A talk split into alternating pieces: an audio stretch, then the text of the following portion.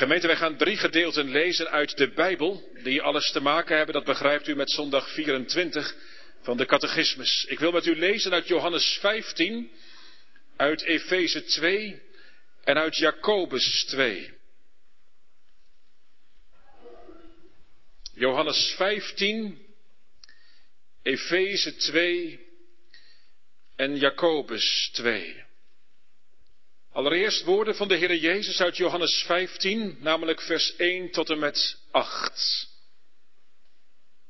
Waar de Heer Jezus zegt, ik ben de ware wijnstok en mijn vader is de wijngaardenier. Elke rank die in mij geen vrucht draagt, neemt hij weg. Elke rank die vrucht draagt, reinigt hij, opdat zij meer vrucht draagt. U bent al rein vanwege het woord dat ik tot u gesproken heb. Blijf in mij en ik in u. Zoals de rank geen vrucht kan dragen uit zichzelf als ze niet in de wijnstok blijft, zo ook u niet als u niet in mij blijft. Ik ben de wijnstok, u de ranken. Wie in mij blijft en ik in hem, die draagt veel vrucht, want zonder mij kunt u niets doen. Als iemand niet in mij blijft, wordt hij buiten geworpen, zoals de rank en verdord. En men verzamelt ze en werpt ze in het vuur en ze worden verbrand. Als u in mij blijft en mijn woorden in u blijven, vraag wat u maar wilt en het zal u ten deel vallen. Hierin wordt mijn Vader verheerlijkt, dat u veel vrucht draagt en mijn discipelen bent. Tweede lezing uit Efeze 2, vers 8 tot en met 10.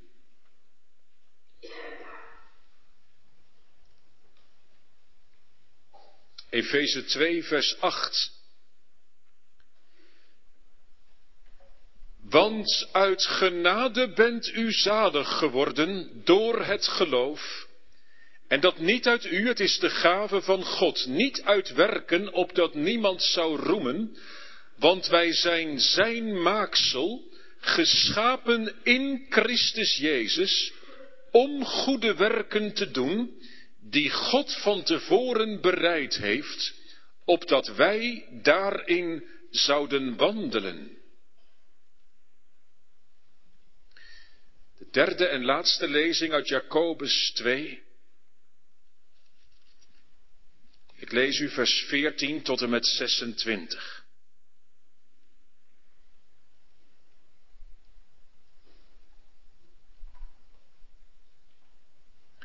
Jacobus 2, vers 14.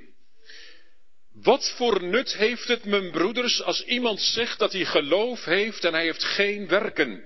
Kan dat geloof hem zalig maken? Als er nou een broeder of zuster zonder kleding zou zijn en gebrek zou hebben aan dagelijks voedsel, en iemand van u zou tegen hen zeggen, ga heen in vrede, word warm en word verzadigd, en u zou niet geven wat het lichaam nodig heeft. Wat voor nut heeft het dan? Zo is ook het geloof als het geen werken heeft in zichzelf dood.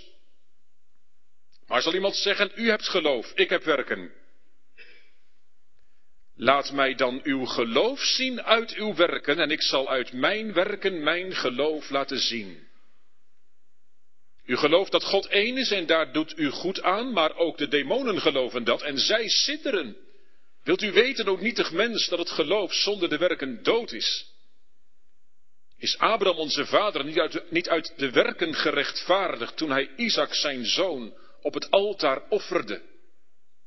Ziet u wel dat het geloof samenwerkte met zijn werken en dat door de werken het geloof volmaakt is geworden? En de schrift is vervuld die zegt, en Abraham geloofde God en het is hem tot gerechtigheid gerekend en hij werd een vriend van God genoemd. U ziet dus nu dat een mens uit werken gerechtvaardigd wordt en niet alleen uit geloof, en is Rahab de hoer niet op dezelfde manier uit werken gerechtvaardigd toen zij de boden heeft ontvangen en langs een andere weg heeft laten weggaan? Want zoals het lichaam zonder geest dood is, zo is ook het geloof zonder de werken doods. Gemeente tot zover de schriften. Als kern voor de verkondiging, wellicht hebt u het papier voor u, als u thuis bent kunt u het ook downloaden van de website Anders hebt u het mee kunnen krijgen als het goed is toen u de kerk binnenkwam. Als kern voor de verkondiging heb ik verwoord, niemand wordt door goede werken zalig. Niemand wordt zonder goede werken zalig. Gemeente, de ouderen die kennen hem denk ik wel. Hij was aanvankelijk priester in de Rooms-Katholieke Kerk, dominee H.J. Hegger. Overleed op 96-jarige leeftijd. Op een wonderlijke manier ontdekte hij wat het betekent om zalig te worden door het geloof alleen. Stonden we twee weken geleden bij stil in een dienst aan de hand van zondag 23 van de catechismus. Op de vraag hoe bent u rechtvaardig voor God en het antwoord klonk door, ja alleen door een waar geloof in Jezus Christus. En dominee Hegger zei later over die ontdekking. Hij zei dat het zo gemakkelijk was, dat kon ik nauwelijks geloven. En in de loop van de tijd schreef dominee Hegger veel boeken. Aan twee boeken moest ik denken bij de voorbereiding op deze dienst. Het eerste boek heet Moeder, ik klaag u aan. En het tweede boek schreef hij een tijd later en dat heet Vader, ik klaag u aan. Dat eerste boek schreef dominee Hegger kort nadat hij uit de Rooms-Katholieke Kerk was vertrokken. Dominee Hegger klaagt de moederkerk aan, de Rooms-Katholieke Kerk. Het evangelie is verduisterd. Er is van alles voor in de plaats gekomen. De mis, de biechtstoel, Maria verering. Moeder, ik klaag u aan. Alleen door het geloof in de Heer Jezus ben je zalig. Door niets en niemand anders. Het is een heel fel boek als je het leest. Moeder, ik klaag u aan. Maar naarmate dominee Hegge wat langer meeliep in de protestantse, in de reformatorische kerken, zag hij dat het probleem van de Rooms-Katholieke kerk ook in de protestantse kerken springlevend was. En juist voor reformatorische christenen schreef hij zijn tweede boek. Hij was toen 87 jaar. Vader, ik klaag u aan. Vader, en daarmee bedoelde hij dan op dat moment de reformatorische kerken. Want ook daar was zoveel verduisterd. Ook reformatorische mensen moeten leren wat het betekent alleen door het geloof gerechtvaardigd te worden. Leven van genade. Gerechtvaardigd worden door het geloof alleen. Gemeente, dat stuit bij ieder mens op weerstand. Van welke kerk of van welke snit dan ook. Rooms-katholiek of protestant. Zwaar of licht. Ik zei het, die boeken van dominee Hegger zijn scherp getoonzet. Te scherp, zei hij later zelf. En toch. Het gaat ook op het scherpst van de snede. Ik bedoel het evangelie. Het is alles of niets. Alles is Christus of niets is Christus. Het is in je leven alles uit Hem of niets. En ik verzeker u, het is alles uit Hem en ook alles in Hem. Dat wordt u vandaag verkondigd dat u alleen door het geloof rechtvaardig bent voor God. Voor zover u de Heere Jezus met een gelovig hart aanneemt. Niets uit ons, alles uit Hem. Gemeente, daar komt heel wat tegenop, tegen die radicale beleidenis dat het Christus alleen is. Dat het alleen door het geloof is. En de catechismus noemt hier in zondag 24 drie tegenwerpingen en die zijn verdraaid actueel. Het zit dichtbij hoor, die goede werken. Een paar voorbeelden gemeente. Als iemand gestorven is, hoe vaak hoor je dan niet? Ja, maar het was wel iemand die veel in de Bijbel las hoor. Er lag altijd een stapeltje geestelijke boeken naast zijn stoel. Maar ja, dat is niet niks. Dat is niet niks. Veel in de Bijbel lezen, dat doe je niet zomaar. En, en, zeker gemeente, als je dat doet omdat je hart daarin ligt, ja, dan is dat wel een teken dat God iets in je hart gewerkt heeft, jazeker. Maar het is wel op het scherpst van de snede. Want, want voor je het weet zit er in zo'n opmerking, hij las wel veel in de Bijbel. Dan zit daar de gedachte achter, moet je eens kijken hoe serieus die het nam. Dan zal God hem toch wel genadig zijn?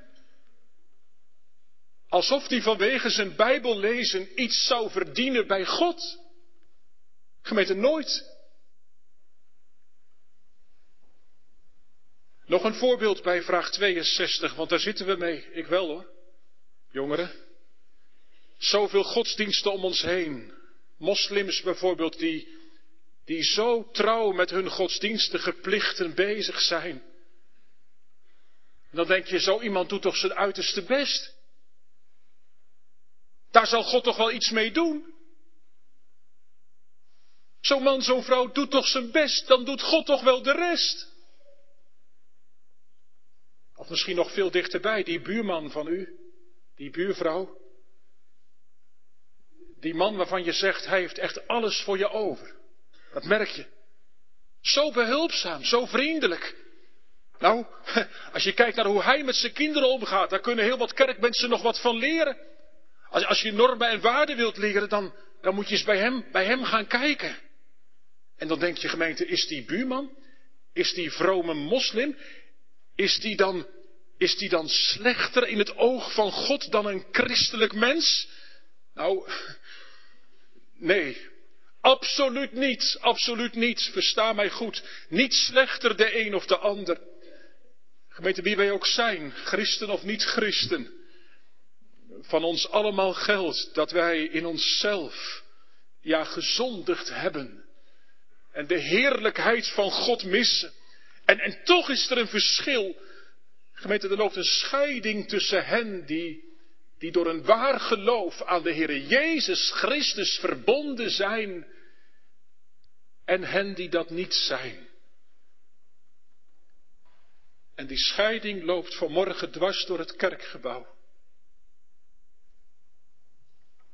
Aan welke kant staat u? Sta jij?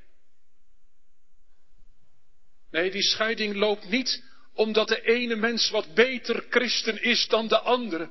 Die scheiding loopt er alleen vanwege de geloofsverbinding met de Heer Jezus. Bent u aan Christus verbonden? Door het geloof. Daar komt het op aan. God verkondigt ons dat Jezus Christus de enige weg is tot behoud. Dat er buiten Jezus geen leven is. Niet voor een vrome moslim. Niet voor een keurig nette Nederlander. Niet voor een vrome kerkganger. Buiten Jezus geen leven, maar een eeuwig zielsverderf. Misschien zeg je, maar waarom zo exclusief? Die moslim bedoelt het toch goed? En die goede buurman, die weet toch niet beter? En die man die zoveel in de Bijbel las, daar zal God toch wel iets mee doen? Gemeente, weer die vraag, vraag 62.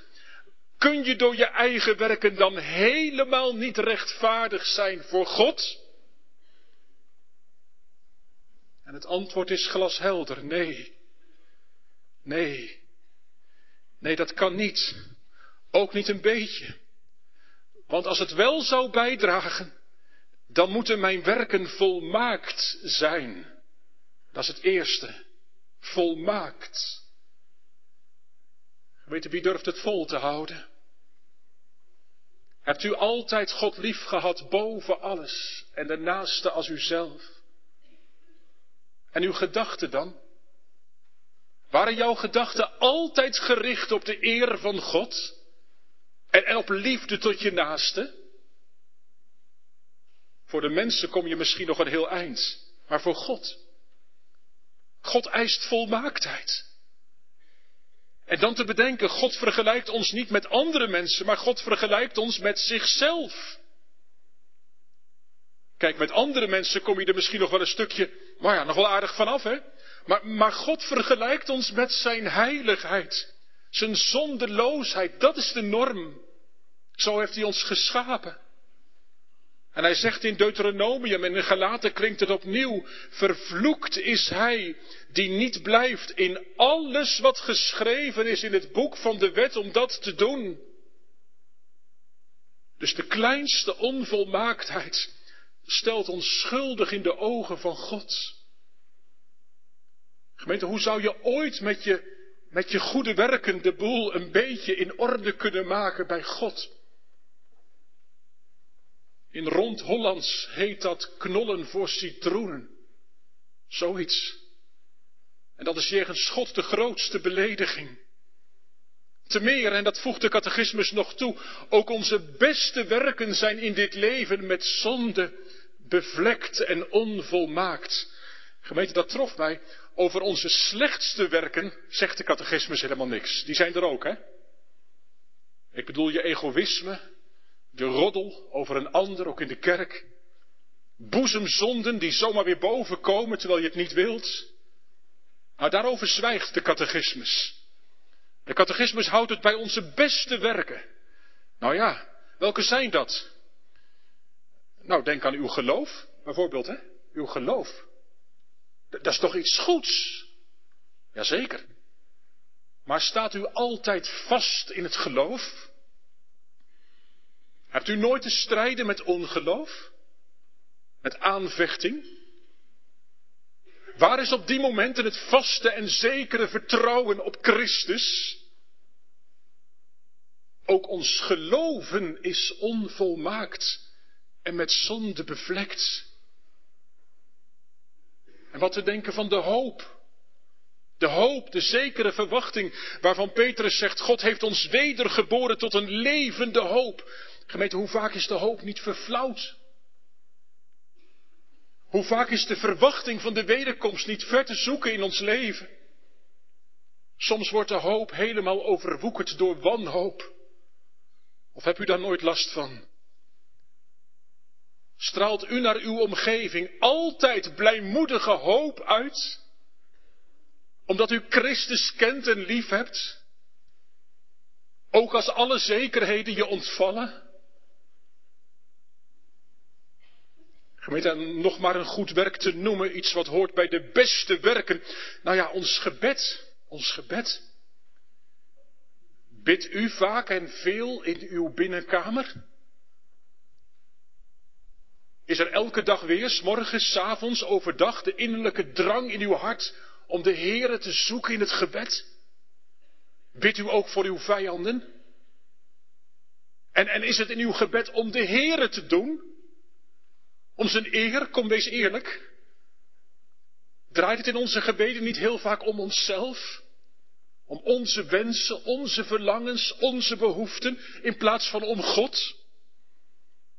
Gemeente, zelfs onze beste werken zijn onvolmaakt en met zonde bevlekt. En als dat zo is, dan is het absoluut onmogelijk om dat toe te voegen, om rechtvaardig te zijn voor God. Vroeger werd wel gezegd, je kunt geen nagelschrap aan je zaligheid toevoegen. Gemeente zou ons gebed niet moeten zijn. O God, vergeef ons onze beste werken. Ons geloven, ons bidden, onze kerkgang, ons spreken. Moet het schaamrood ons niet op de kaken komen te staan, gemeente? Dat wij altijd weer houvast zoeken in onze beste werken. In ons geloven, in ons hopen, in ons bidden. En dat we ergens toch denken dat we daarmee iets zijn voor God. Zo van, kijk eens, Heere God, hier kunt u toch wel wat mee. Met mijn geloof, met mijn gebed. En dat we daarmee dan tegelijk gemeente de borggerechtigheid, het werk van de Heer Jezus Christus eigenlijk aan de kant schuiven. Want dat doe je, hè? Zijn lijden, zijn dood. Dat je dat eigenlijk aan de kant zet om er iets van jezelf bij te zetten. Gemeente, weet u, dat is het allerergste. Dat is de grootste belediging die wij God kunnen aandoen. En daar doen we de Heer zoveel verdriet mee. Dat wij ten diepste daarmee aangeven en tegen de Heere God zeggen, Heere God, de Heere Jezus alleen? Ja, maar mijn bekering toch ook wel? En mijn geloof, en uh, dat hoort er toch ook bij? Gemeente, ten diepste is het ongeloof. En dat ongeloof noemt de Heere Jezus in Johannes 16 de ergste zonde. Omdat je daarmee, al is het maar een klein beetje, de Heere Jezus aan de kant schuift. En er iets van jezelf voor in de plaats stelt. Terwijl God zijn zoon gegeven heeft, gemeente, hoor dat, tot een volkomen verzoening voor al onze zonden. En wij zeggen, heren, maar er moet ook iets van mij bij. Een klein beetje maar, maar toch wel iets, Heere God. Anders kan ik me niet overgeven aan u. Er moet toch wel iets in mij. Gemeente, de Heere zegt, en, en ik zeg het vanmorgen maar zonder omwegen. Schiet op met je beste werken. Er is geen reuk op smaak aan. Je staat echt met lege handen hoor. Je wordt alleen zalig op de manier van de tollenaar. O God, wees mij zondaar genadig. Hoor, als jij of u topt met je goede werken, dit wordt tot uw troost verkondigd vanmorgen, als alles je uit handen valt. Zie vanmorgen dat alles in Christus ligt, gemeente. De vaste grond van ons behoud ligt niet in onze werken, maar in Christus alleen. Als je in Hem geloven mag vanmorgen, wat heb je reden om goedsmoeds te zijn? Om blijmoedig door het leven te gaan. Alles ligt in Christus. Hij is ons door God gegeven tot een, tot een volkomen verzoening. Maar gemeente, er is nog een tweede tegenwerping. Tegen die radicale leer van rechtvaardiging door het geloof. Want, ja, als het dan zo is dat we alleen uit genade zalig worden. Hoe zit dat dan met het loon waar de Heer Jezus het ook over heeft? Ja, dat staat bijvoorbeeld in Matthäus 5, vers 12, moet u horen. Uw loon zal groot zijn in de hemelen. En wat denkt u van die bekende tekst uit Hebreeën 11, dat God een beloner is van degenen die Hem zoeken? En we gaan het straks trouwens ook zingen, Psalm 19. In het houden van Gods geboden is grote loon. Hé, hey, dat gaat dus wel degelijk over loon op goede werken. Gemeente, dat moeten wij als hervormd gereformeerde christenen vandaag ook goed horen. Ik denk dat we daar veel te weinig bij stilstaan. Loon, beloning. De Bijbel spreekt erover. Volop. En dat is om ons te bemoedigen. Om ons aan te moedigen. Gods geboden zijn niet om ons de put in te preken. Om ons depressief te maken. Integendeel. Ja, ja, Gods geboden zijn wel gegeven om ons te laten zien dat er bij ons vandaan geen enkele ladder is naar God. Geen enkele verdienste. En wie dat leerde zien, wie met zijn eigen schuld de toevlucht nam tot de Heere Jezus door het geloof, ja, die krijgt toch Gods geboden ook anders te zien. En dan vooral als een enorme stimulans om heilig voor de Heere te leven. In het houden van Gods geboden is grote loon. Jongeren, hoor je dat? Het doet ertoe hoe jij leeft. Maar wat is dat dan voor een beloning? Gemeente, het mogen duidelijk zijn, het gaat niet om iets verdienen. Het antwoord zegt dat ook, hè? deze beloning geschiet niet uit verdiensten, maar uit genade. Genadeloon, dat is het dus. Een beloning die je onverdiend ontvangt, maar die toch wel alles te maken heeft met jouw leven hier op aarde. Zeg maar met je goede werken. Goede werken worden beloond. Maar kijk uit, nu toch wel even goed opletten gemeente, want hoe komt een gelovige aan goede werken? Is dat iets wat hij zelf voor elkaar bokst? Nee. Nee, voor God is alleen goed wat ook echt van God komt. Wat van God komt.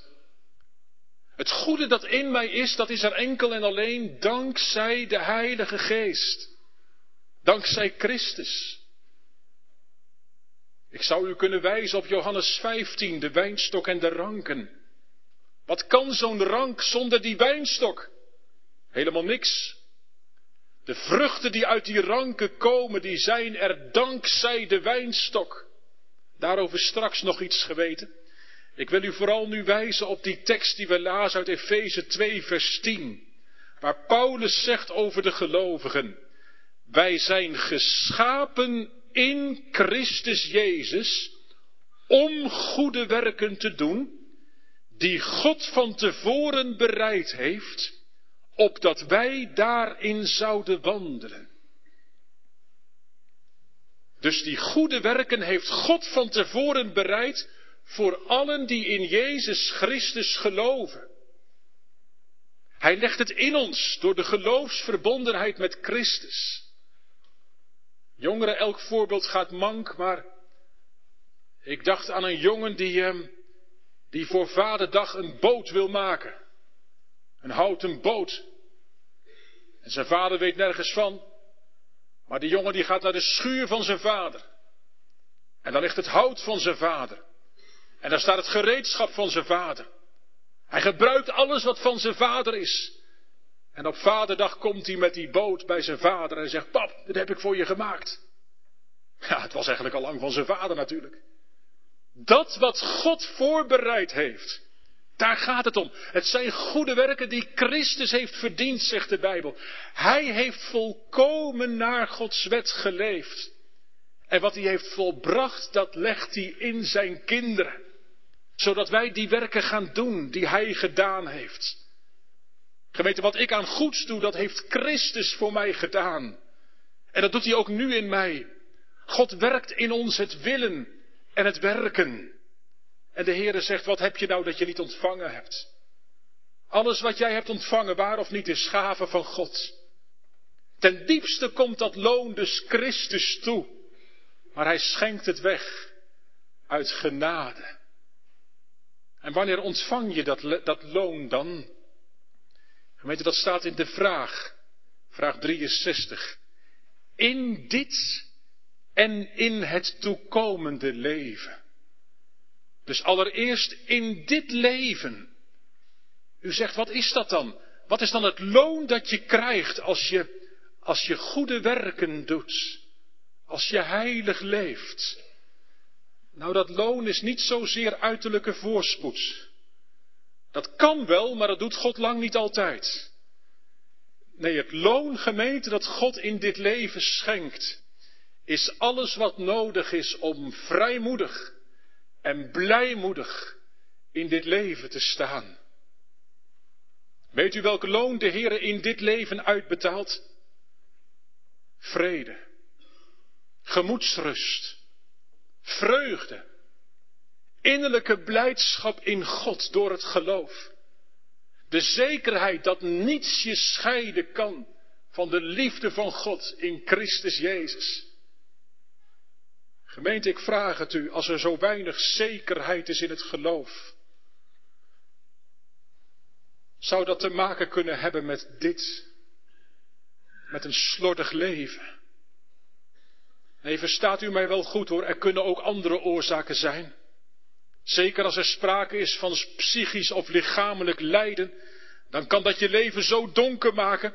En dat heeft niks te maken met specifieke zonden of met een slordig leven. Maar toch vraagt dit van ieder van ons wel dat we onszelf onderzoeken, gemeente, vandaag. Zijn wij wel ijverig in goede werken? Zetten wij in ons leven alles op alles om de Heere te dienen en lief te hebben? Heeft God in uw leven de eerste prioriteit? Of zijn er nog zaken waarvan je zegt, ja, maar dat is gewoon mijn bedrijf, daar heeft God toch niks mee te maken? Dan hebt u het mis. God heeft met alles van het leven van een christen te maken. Koestert u wrok in uw leven?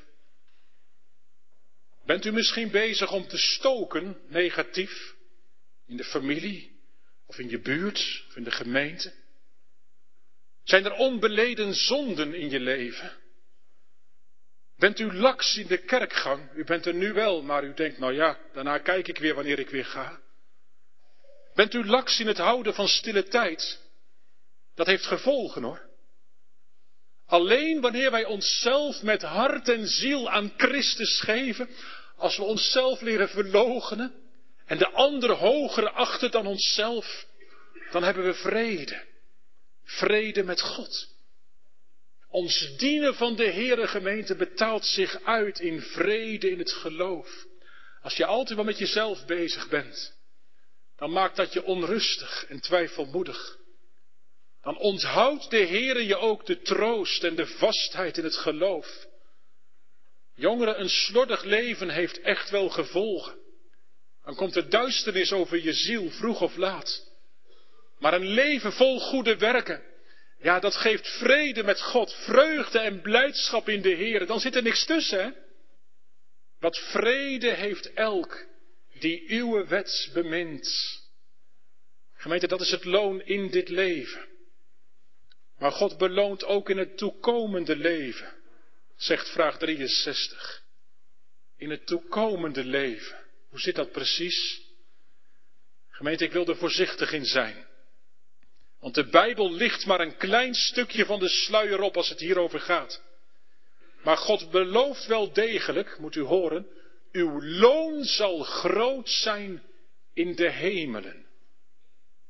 En waar het dan om gaat, is dat het er echt toe doet hoe je hier op aarde hebt geleefd.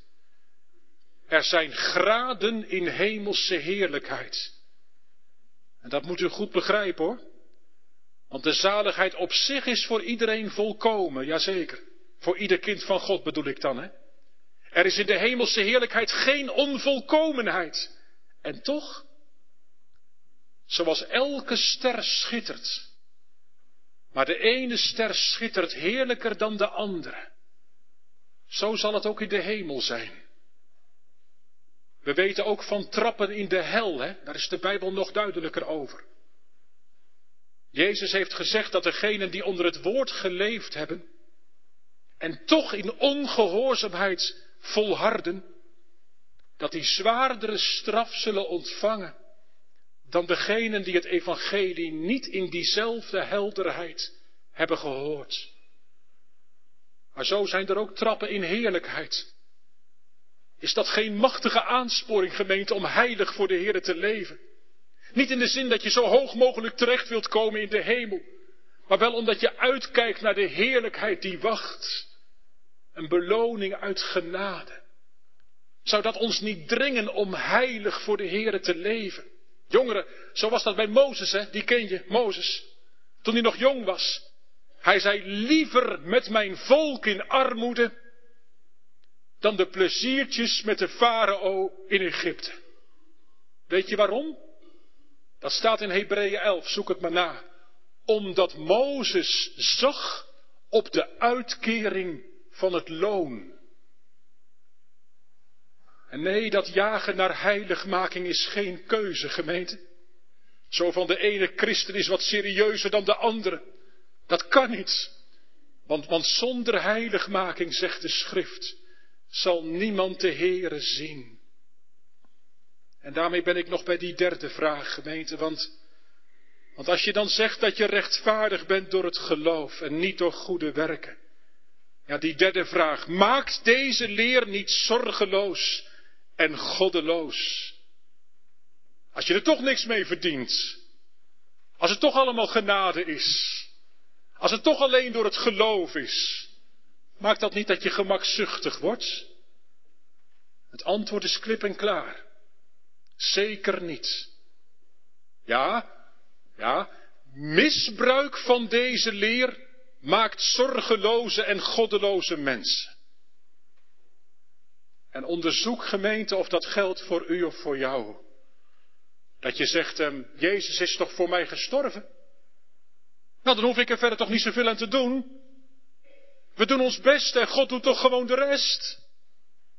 Gemeente, dat kan niet. Dat kan niet. Wie echt gelooft, die wordt er helemaal door gegrepen. Weet je waarom? Omdat je in het geloof aan de Heer Jezus verbonden wordt. Daar gaat het om. Die rechtvaardiging door het geloof, die heeft een tweelingzus. De heiliging. Wie door God rechtvaardig wordt verklaard, ja, die wordt ook door God geheiligd. En die heiliging, dat heeft alles te maken met het goede doen. Op uw papier heb ik die kern verwoord, hè. Niemand wordt door goede werken zalig, maar niemand wordt ook zonder goede werken zalig. Hoe staat het in antwoord 64?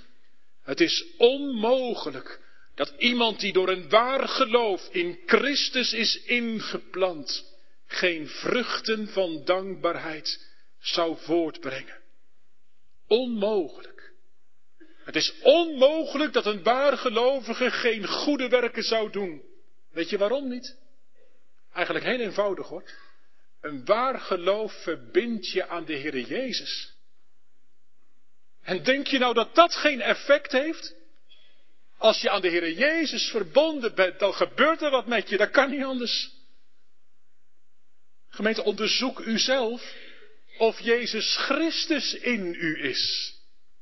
Hoe staat het hier? Een waar geloof plant in in Christus. Dus een gelovige is vergroeid met Christus en verlangt dat ook steeds meer te zijn. Paulus zegt, ik leef, maar niet meer ik leef, Christus leeft in mij. Dat. En als Christus in mij leeft, ja, dan kan het niet anders of ik ga vruchten voortbrengen. Gemeente wel heel opvallend en ook wel heel mooi. Hier gaat het niet meer over goede werken, maar over vruchten, hè? Zie je dat? Vruchten. En dat is heel bijbels hoor, het komt in de Bijbel volop voor. Vruchten die groeien als vanzelf. Als die rank maar goed in de wijnstok zit, dan, dan gaat het vanzelf. Jezus zei, ik ben de ware wijnstok, wie in mij blijft en ik in hem, die draagt veel vrucht. Niet die gaat misschien vrucht dragen, ook niet die moet vrucht dragen, nee, die draagt vrucht.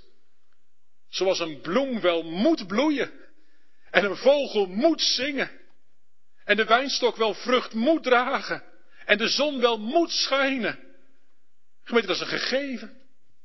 Als je door het geloof aan de Heer Jezus verbonden bent, dan doet hij iets met je. Dan doet hij iets in je. Hij laat je niet zoals je bent, maar hij vult je leven en maakt je klaar voor de hemelse heerlijkheid. Jongeren, je kent die uitspraak toch? Je mag komen tot Christus zoals je bent, jazeker. Maar hij laat je niet zoals je bent. En nee, dan mag je niet met je armen over elkaar gaan zitten hoor omdat die vrucht vanzelf wel komt. Het woord zegt, breng vruchten voort, der bekering waardig. Laat zichtbaar worden bij wie je hoort. Van wie ben je er één? Jongens en meiden, luister eens. Dat zeggen ze toch wel eens tegen jou? He, dan noemen ze je vader of moeder. En dan kijken ze naar je en dan zeggen ze, jij bent er eentje van die, hè? Van die. Dan denk je, ja, hoe weten ze dat? Nou, dat zien ze aan je. Je lijkt op je vader of je lijkt op je moeder. vind jij misschien zelf helemaal niet, maar de anderen zien het wel aan je. Hé, hey, lijk jij ook op de Heer Jezus? Ja, als jij van de Heer Jezus houdt, dan zien mensen dat aan je. Misschien vind je dat zelf soms heel lastig, maar, maar mensen zien het, want ze zien iets van de Heer Jezus in je terug. En gemeente, dan is Jacobus heel scherp, hè? We hebben dat gelezen. Hij zegt, als dat nou niet zo is, en dat moet u goed horen hoor, als die vrucht nou niet in je leven is, als je nou niet op de Heere Jezus begint te lijken, dan kun je praten over je geloof, dan kun je beleidenis doen, dan kun je avondmaal vieren, maar dan is het een dood geloof. En dan kom je ermee om. Weet je waarom? Omdat dan blijkt dat je niet aan Christus vastzit. En zonder Christus ben je niet rechtvaardig voor God. Gemeente, ik begon ermee. Die twee boekjes van dominee Hegger. Moeder, ik klaag u aan. Maar ook vader, ik klaag u aan. Met één radicale boodschap. Het is Christus alles. En het is Christus alleen. En de Heere Jezus zelf, die schreef vanuit de hemel een brief aan de gemeente van Sardis, openbaring 2, 3. En hij zegt, ik weet jullie werken. En ik weet dat je de naam hebt dat je leeft. Maar je bent doods. Gemeente, wat zal gezegd worden over u, over jou, vanuit de hemel? Want daar zal het toch wel om gaan. Leeft u? Jongeren, leef jij met Christus?